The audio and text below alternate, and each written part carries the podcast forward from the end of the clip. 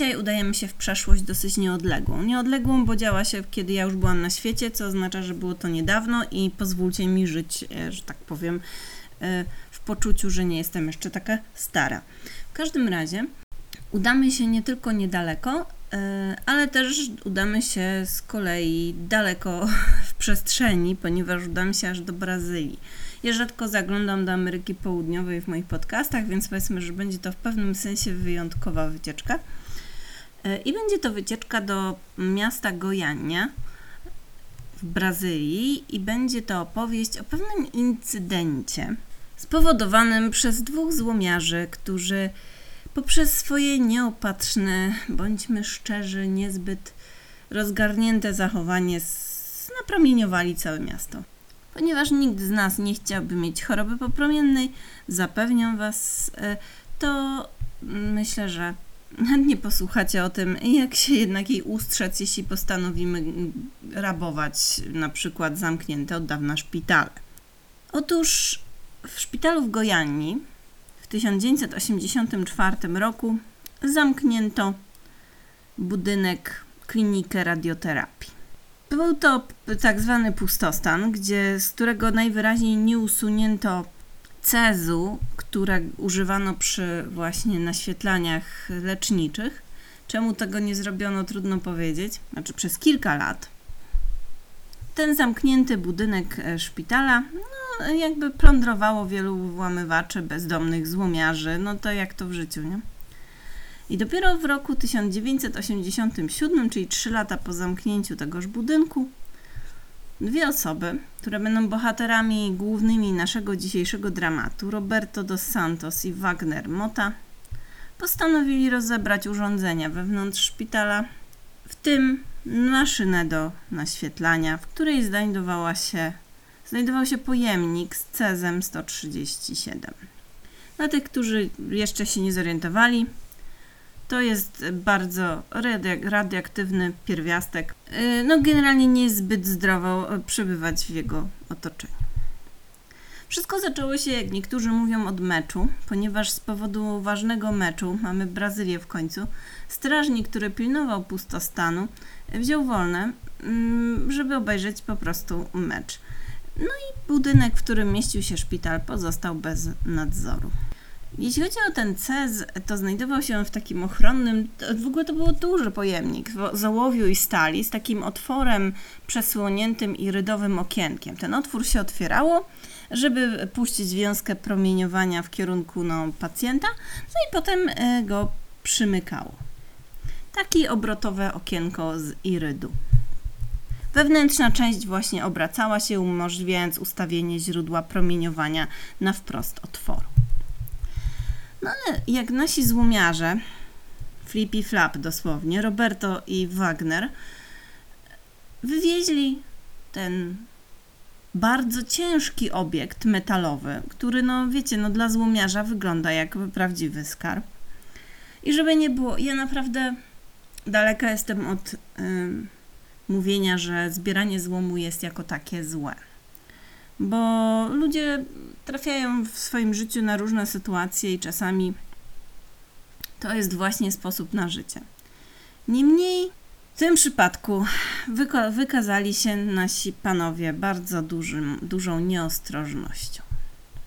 Wywieźli ten e, taki duży, bo naprawdę duży i ciężki pojemnik z cezem poza szpital postanowili go oczywiście spróbować zdemontować.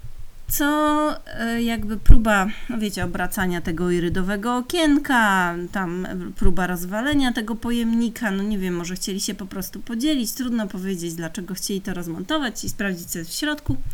No oczywiście podczas demontażu e, ulegli napromieniowaniu i jeszcze tego samego dnia, to był wrzesień, 13 września, zaczęli już wymiotować. Dwa dni później Wagner e, skorzystał z pomocy lekarskiej i powiedziano mu, że pozostał w domu, bo generalnie no, pewnie się rozchorował czy coś. No przecież nikomu do głowy nie przyszło, że koleś ma chorobę popromienną. W każdym razie próbowali otworzyć ten pojemnik bez rezultatu i uszkodzili to irydowe okienko, przez które było widać ten chlorek cezu, który emituje bardzo ładne niebieskie promieniowanie, widoczne gołym okiem. No, ponieważ nie udało im się go rozwalić, tego pojemnika, to postanowili, nasz Roberto i Wagner, sprzedać no to tak jak zamierzali na zło. Sprzedali ten pojemnik właścicielowi pobliskiego złomowiska. Nazywał się De Vairo Ferreria e, i widział, zobaczył wewnątrz ten pięknie świecący niebieski proszek. I to jest ten moment, kiedy sobie myślę, że być może komuś powinno przyjść do głowy, że coś jest nie tak. Ale nie. De Vairo, właściciel złomowiska, w Gojani w Brazylii, postanowił ten pięknie świecący proszek wykorzystać do zrobienia pierścionka dla żony. Dobrze słyszycie. No, a poza tym szybko po okolicy rozeszła się y, wiadomość, że znalezisko takie ładne, śliczne na złomowisku się znalazło. Co za tym idzie? I tutaj kolejny facepalm. Dom de Vairo Ferreiry, tego właściciela złomowiska, zaczęli tłumnie odwiedzać sąsiedzi i znajomy, bo każdy chciał po pierwsze zobaczyć tą ślicznie świecącą substancję. Wydawałoby mi się, że pod koniec lat 80. już coś słyszano o promieniowaniu, ale najwyraźniej nie. E, no i dostać odrobinę tej substancji w prezencie, no bo wiecie, taka fajna jest, nie? Brat e, tego De Vairo miał na imię Iwo i nawet trochę tego proszku od niego dostał, od braciszka i rozsypał go na podłodze w kuchni, żeby tak ładnie świeciło. E, a inny z braci Devairo, bo Devairo miał paru braci, tym świecącym pyłem postanowił znakować swoje bydło, żeby ładnie świeciło w nocy i żeby je było widać po ciemku. Tak, e, możecie teraz oczywiście puknąć się w czoło i e, zastanowić, co było z nimi nie tak. No, ale tym wszystkim, którzy mieli styczność z tym wspaniałym skarbem, zaczęły, no jakby dokuczać różne problemy zdrowotne. Byli osłabieni, wymiotowali, mieli biegunki, niektórzy udawali się do szpitali, gdzie dostawali przeróżne diagnozy od sasa do laca, to zatrucia, to alergia, to choroby tropikalne. No wiecie, końcu to Brazylia. No ale przecież, y, tak jak mówiłam, lekarze no nie mogli nawet, no do głowy im nie przyszło, żeby podejrzewać chorobę popromienną, no bo to trochę jak z tym tententem, że jak słyszysz tenten, to myślisz konie, a nie zebry. No chyba, że w Brazylii, ale nie wiem, czy tam żyją zebry. Nie, nie, mniejsza o to. W każdym razie dopiero żona naszego Devairo, jedyna rozsądna w rodzinie, to zawsze musi być jakaś kobieta, nie? Maria, która mm, została obdarowana tym świecącym pierścionkiem, zaczęła podejrzewać, że wszystkie te choroby, które wokół nich się pojawiły, mają związek z tym dziwnym, świecącym znaleziskiem, które dwa tygodnie wcześniej pojawiło się w ich domu za sprawą jej niepełnosprytnego męża. Zatem postanowiła, cóż, wziąć sprawę w swoje ręce. Ktoś dorosły w domu musi być.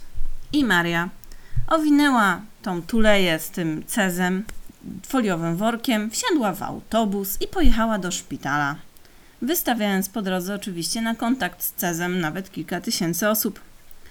Późniejsze badania wykażą, że akurat ten przejazd na szczęście owszem wystawił ludzi na promieniowanie, no ale na, na, na, na niezbyt długie, więc akurat od tego nikomu nie stała się krzywda.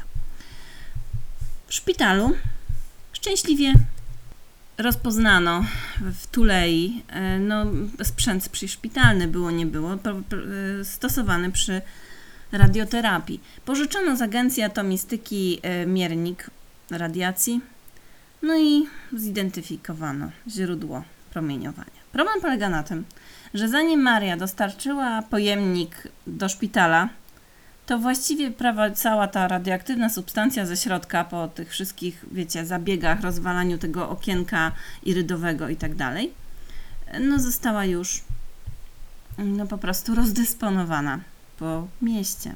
Zwłaszcza, że miała postać drobin, takiego pyłu, który był a to zabierany celowo przez ludzi od De Vairo Ferreiry, a to unosił się po prostu, roznosił się na podeszwach butów, bo przecież także rozsypał jeden z braci De Vairo proszek na podłodze swojej kuchni, a to był po prostu na krowach u innego brata De Vairo Ferreiry.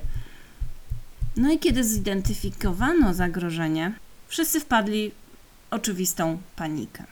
Ja tutaj pod spodem podlinkowałam, bo jest dostępny publicznie oficjalny raport z incydentu w Gojani. Można sobie szczegółowo przepisać, y, przeczytać, co oni tam robili, ale no oczywiście musiano przedsięwziąć bardzo radykalne kroki.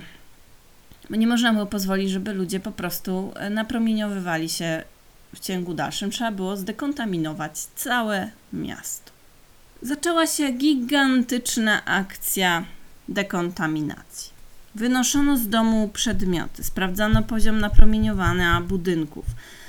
Zaczęto spłukiwać domy, ulice, kanalizacje, ściągano warstwę gleby, wymieniano wa- ten, dachy, usuwano farbę. Odtwarzano trasy tych osób, które były najbardziej skażone, czyli tych złomiarzy, tego rodziny De Vairo Ferreira. W tym szczegółowo oczywiście droga Marii Ferreira z domu do szpitala, namierzając osoby, które mogły zostać napromieniowane. Pracownicy złomowiska De Vairo Ferreira, którzy pracowali wtedy, kiedy De Vairo kupił od tych złomiarzy, jednemu z nich swoją drogą z powodu choroby popromiennej amputowano później rękę, e, zmarli. Ci praco- dwaj pracownicy złomowiska, e, młodzi mężczyźni. Brat Ferreira, Iwo, ten, który rozniósł ten pył na podłogę swojego domu, spotkało go olbrzymie nieszczęście, ponieważ na tej podłodze tego świecącego pyłu bawiła się jego sześcioletnia córka Leide i siedząc w tym pyle pochłonęła olbrzymią dawkę promieniowania, w wyniku czego zmarła miesiąc później. Kilkanaście osób przebywających w domu e, Ferreiry weszło w kontakt właśnie w tą, z, tą substancją, roznosiło ją w sąsiedztwie i najbliższych miejscowościach. No i oczywiście krowy, część krów oznakowanych cezem oczywiście także padła. Maria Ferreira, która była pierwszą rozsądną osobą, która zgłosiła w ogóle cały ten incydent i nosiła ten pięknie świecący pierścionek, który mąż w dobrej wierze oczywiście, choć ojej, no niestety bezmyślnie zrobił dla niej, zmarła na chorobę popromienną. Jej matka dostała niewiele mniejszą dawkę promieniowania, bo opiekowała się Marią w czasie choroby. Choć dzięki Marii Ferreira, Ferreirze generalnie cała sprawa y, wyszła na jaw i można było zapobiec znacznie większej ilości śmierci. Właściciel złomowiska, y, choć dostał y, większą dawkę promieniowania niż jego żona, to ponieważ no, był większej postury, a także ponieważ miał kontakt z cezem w sposób powiedzmy przerywany, bo pracował na złomowisku, a ten cały cylinder z cezem przebywał cały czas w domu, gdzie cały dzień była jego żona, y, on akurat przeżył. Wielkie dawki promieniowania, takie, żeby były istotne dla zdrowia, przyjęło co najmniej 46 osób, przynajmniej tyle zidentyfikowano. Część z nich zmarła mm, w najbliższych miesiącach po y, kontakcie. Y, Trudno jednak było, nie mamy w raporcie śledzenia ich losów w późniejszych latach, czy zachorowali na y, popromienne nowotwory, czy w jakiś inny sposób jeszcze wpłynęło to na ich życie. A w ogóle na całe skażenie radioaktywne było narażonych ponad 100 tysięcy osób. Część e, tych osób poddano e, dekontaminacji, część pochłonęła małe dawki, e, ewentualnie takie, które po prostu zwiększyły ryzyko zachorowania na nowotwory, znaczy po prostu albo aż. Ostatecznie jednak za bezpośrednie ofiary incydentu uznano zaledwie kilka osób, które zmarły bezpośrednio po nim, czyli te, te Marię, tych złomiarzy, no i oczywiście córkę Iwo Ferreira. Ciało zresztą tej córeczki pochowano w specjalnej ołowianej trumnie zabezpieczonej dodatkowo blokiem betonu. To maleńkie ciałko, ponieważ było tak bardzo napromieniowane, że nawet w grobie stanowiłoby zagrożenie dla otoczenia. Tak jak mówiłam, De Vairo Ferreira, mm, choć otrzymał właściwie śmiertelną dawkę promieniowania, ale często wychodził z domu i tak jak spekulowano, jego organizm na bieżąco mógł naprawiać szkody. Nie wiem, czy to prawda. W każdym razie e, częściowo się zregenerował, miał taką wyjątkową e, siłę w organizmie, ale zmarł kilka lat później, ponieważ wyrzuty sumienia spowodowane tym, co zrobił, sprawiły, że wpadł w alkoholizm i zwyczajnie zapił się na śmierć. Oczywiście mm, osoby, które odpowiadały za niewystarczające zabezpieczenie budynku szpitala, mm, zostały potem e, skazane w procesie karnym za niedopatrzenia. W samym miasteczku Gojania usunięto z wielu miejsc warstwę ziemi, zburzono parę budynków, w których przebywał ten Cez. Wszelkie obiekty z domów wynoszono, badano pod kątem skażenia, e, skażone rzecz jasna przeznaczono do zniszczenia choć Międzynarodowa Agencja Energii Atomowej pozwoliła na zdekontaminowanie niektórych drobnych przedmiotów pamiątkowych, y, żeby no nie zaorać ludziom całych domów, jeśli było to możliwe, na przykład w przypadku biżuterii. Po usunięciu wszelkiego dobytku z domów musiano także testować instalację kanalizacyjną pod kątem promieniotwórczości, zdzierano farby, Podłogi traktowano mieszaninami kwasów i błękitu pruskiego, odkurzano dachy, nawet nie, czasem dachy po prostu wymieniano, a ście, ścieki z oczyszczania usunięto z miasta i składowano w odległym miejscu jeszcze przez jakiś czas, bo miały szansę być także radioaktywne. Ba, mało tego, mocz osób yy, no, napromieniowanych także przepuszczano przez specjalne wymieniacze jonowe, by wychwycić jony cezu. Generalnie w sumie w miasteczku zburzono 40 domów, a y, przez jakiś czas lęki spowodowane incydentem w Gojani były takie, że mieszkańcy Gojani w innych miejscowościach byli witani delikatnie rzecz biorąc z niechęcią, bo się bano, że powiedzmy roznoszą promieniowanie. Jedyne dobre, co z tego y, wyszło, to to, że Brazylia po tym wydarzeniu zmieniło swoje prawo dotyczące przechowywania e, radioaktywnych źródeł. Także pamiętajcie, drogie dzieci, jeśli coś się bardzo ładnie świeci i nie wiecie dlaczego, to może to nie jest dobra wiadomość. E, a tak poza tym, no to właśnie jest koniec tej historii. Chyba mało znanej w Polsce, na pewno nie jakoś e, specjalnie rozpowszechnionej. Także dlatego, że no wydarzyło się to wszystko jednak w latach 80. minionego wieku, kiedy nie było internetu i nikt specjalnie nie mógł o tym pewnie w Polsce się dowiedzieć. No i to tyle. Mm, krótka historyjka, a mam nadzieję, że trochę przy, ku przestrodze. No i teraz e, jakby koniec jest już meritum tak zwanego. Możecie już wyłączyć, bo będą teraz ogłoszenia, które od czasu do czasu muszę dać, żeby zadowolić YouTube'a. Nie będą one w żaden sposób istotne dla historii, ale muszę je czasami powiedzieć. Pierwszą z nich jest taka informacja, którą mam od czasu do czasu powiedzieć, że jakbyście nigdy wcześniej nie byli w internecie, to Wam powiem, że można kanał zasubskrybować oraz wcisnąć tak zwany dzwoneczek, bo y, wtedy dostaniecie powiadomienia, a, albo nie, bo YouTube czasami nie wysyła tych powiadomień. Druga rzecz jest taka, że oczywiście zostawienie komentarza bardzo miłego oczywiście jest super i zwiększa zasięgi kanału. E, oczywiście, jeżeli chcecie napisać komentarz, że ojej, bo zrobiłaś literówkę, albo nie wiem, powiedziałeś brzydki wyraz, albo o matko, o matko, o matko, nie wiem, jesteś strasznie głupia i brzydka. No to, no to możecie też, ale prawdopodobnie zwłaszcza te obraźliwe komentarze to i tak usunę, bo to ma być miłe miejsce w internecie, a nie e, pełne agresji. A poza tym jeszcze co możecie zrobić? Możecie na przykład wspierać kanał, e, tam pod każdym filmem jest takie serduszko z dolarkiem i możecie mi zapłacić pieniądze na książki. Oczywiście nic z tego nie będziecie mieli poza satysfakcją, bo ja na razie nie jestem w stanie zapewnić niczego dodatkowego osobom wspierającym, także nie obrażę się jak nie zostawicie, ale jak zostawicie to super. E, no i czy coś jeszcze? Czy ja o czymś jeszcze zapomniałam? E, tak, a właśnie, te takie kliki w górę, że niby łapka w górę. Nie wiem, czy to cokolwiek daje. W sensie ja nie mam pojęcia, czy to jakoś wpływa na algorytm, ale na pewno jest miłe, jak ma się dużo tych takich kciuków w górę, więc możecie mi dać kciuk w górę. E, no i to chyba koniec ogłoszeń parafialnych, które muszę czasami umieścić, bo YouTube wysyła takie maile w stylu hej, powiedz to swoim słuchaczom, bo oni nigdy w życiu nie byli na YouTubie i znaleźli się tu po raz pierwszy, a poza tym żyli przez większość czasu w głębokiej puszczy. No, y, tak, to tyle. Mam nadzieję, że podcast o y, radioaktywnych miasteczkach Brazylii bardzo Wam się podobał. Za tydzień będzie jakiś inny, jak zawsze, przynajmniej jeśli dożyję. No i to tyle. Do usłyszenia.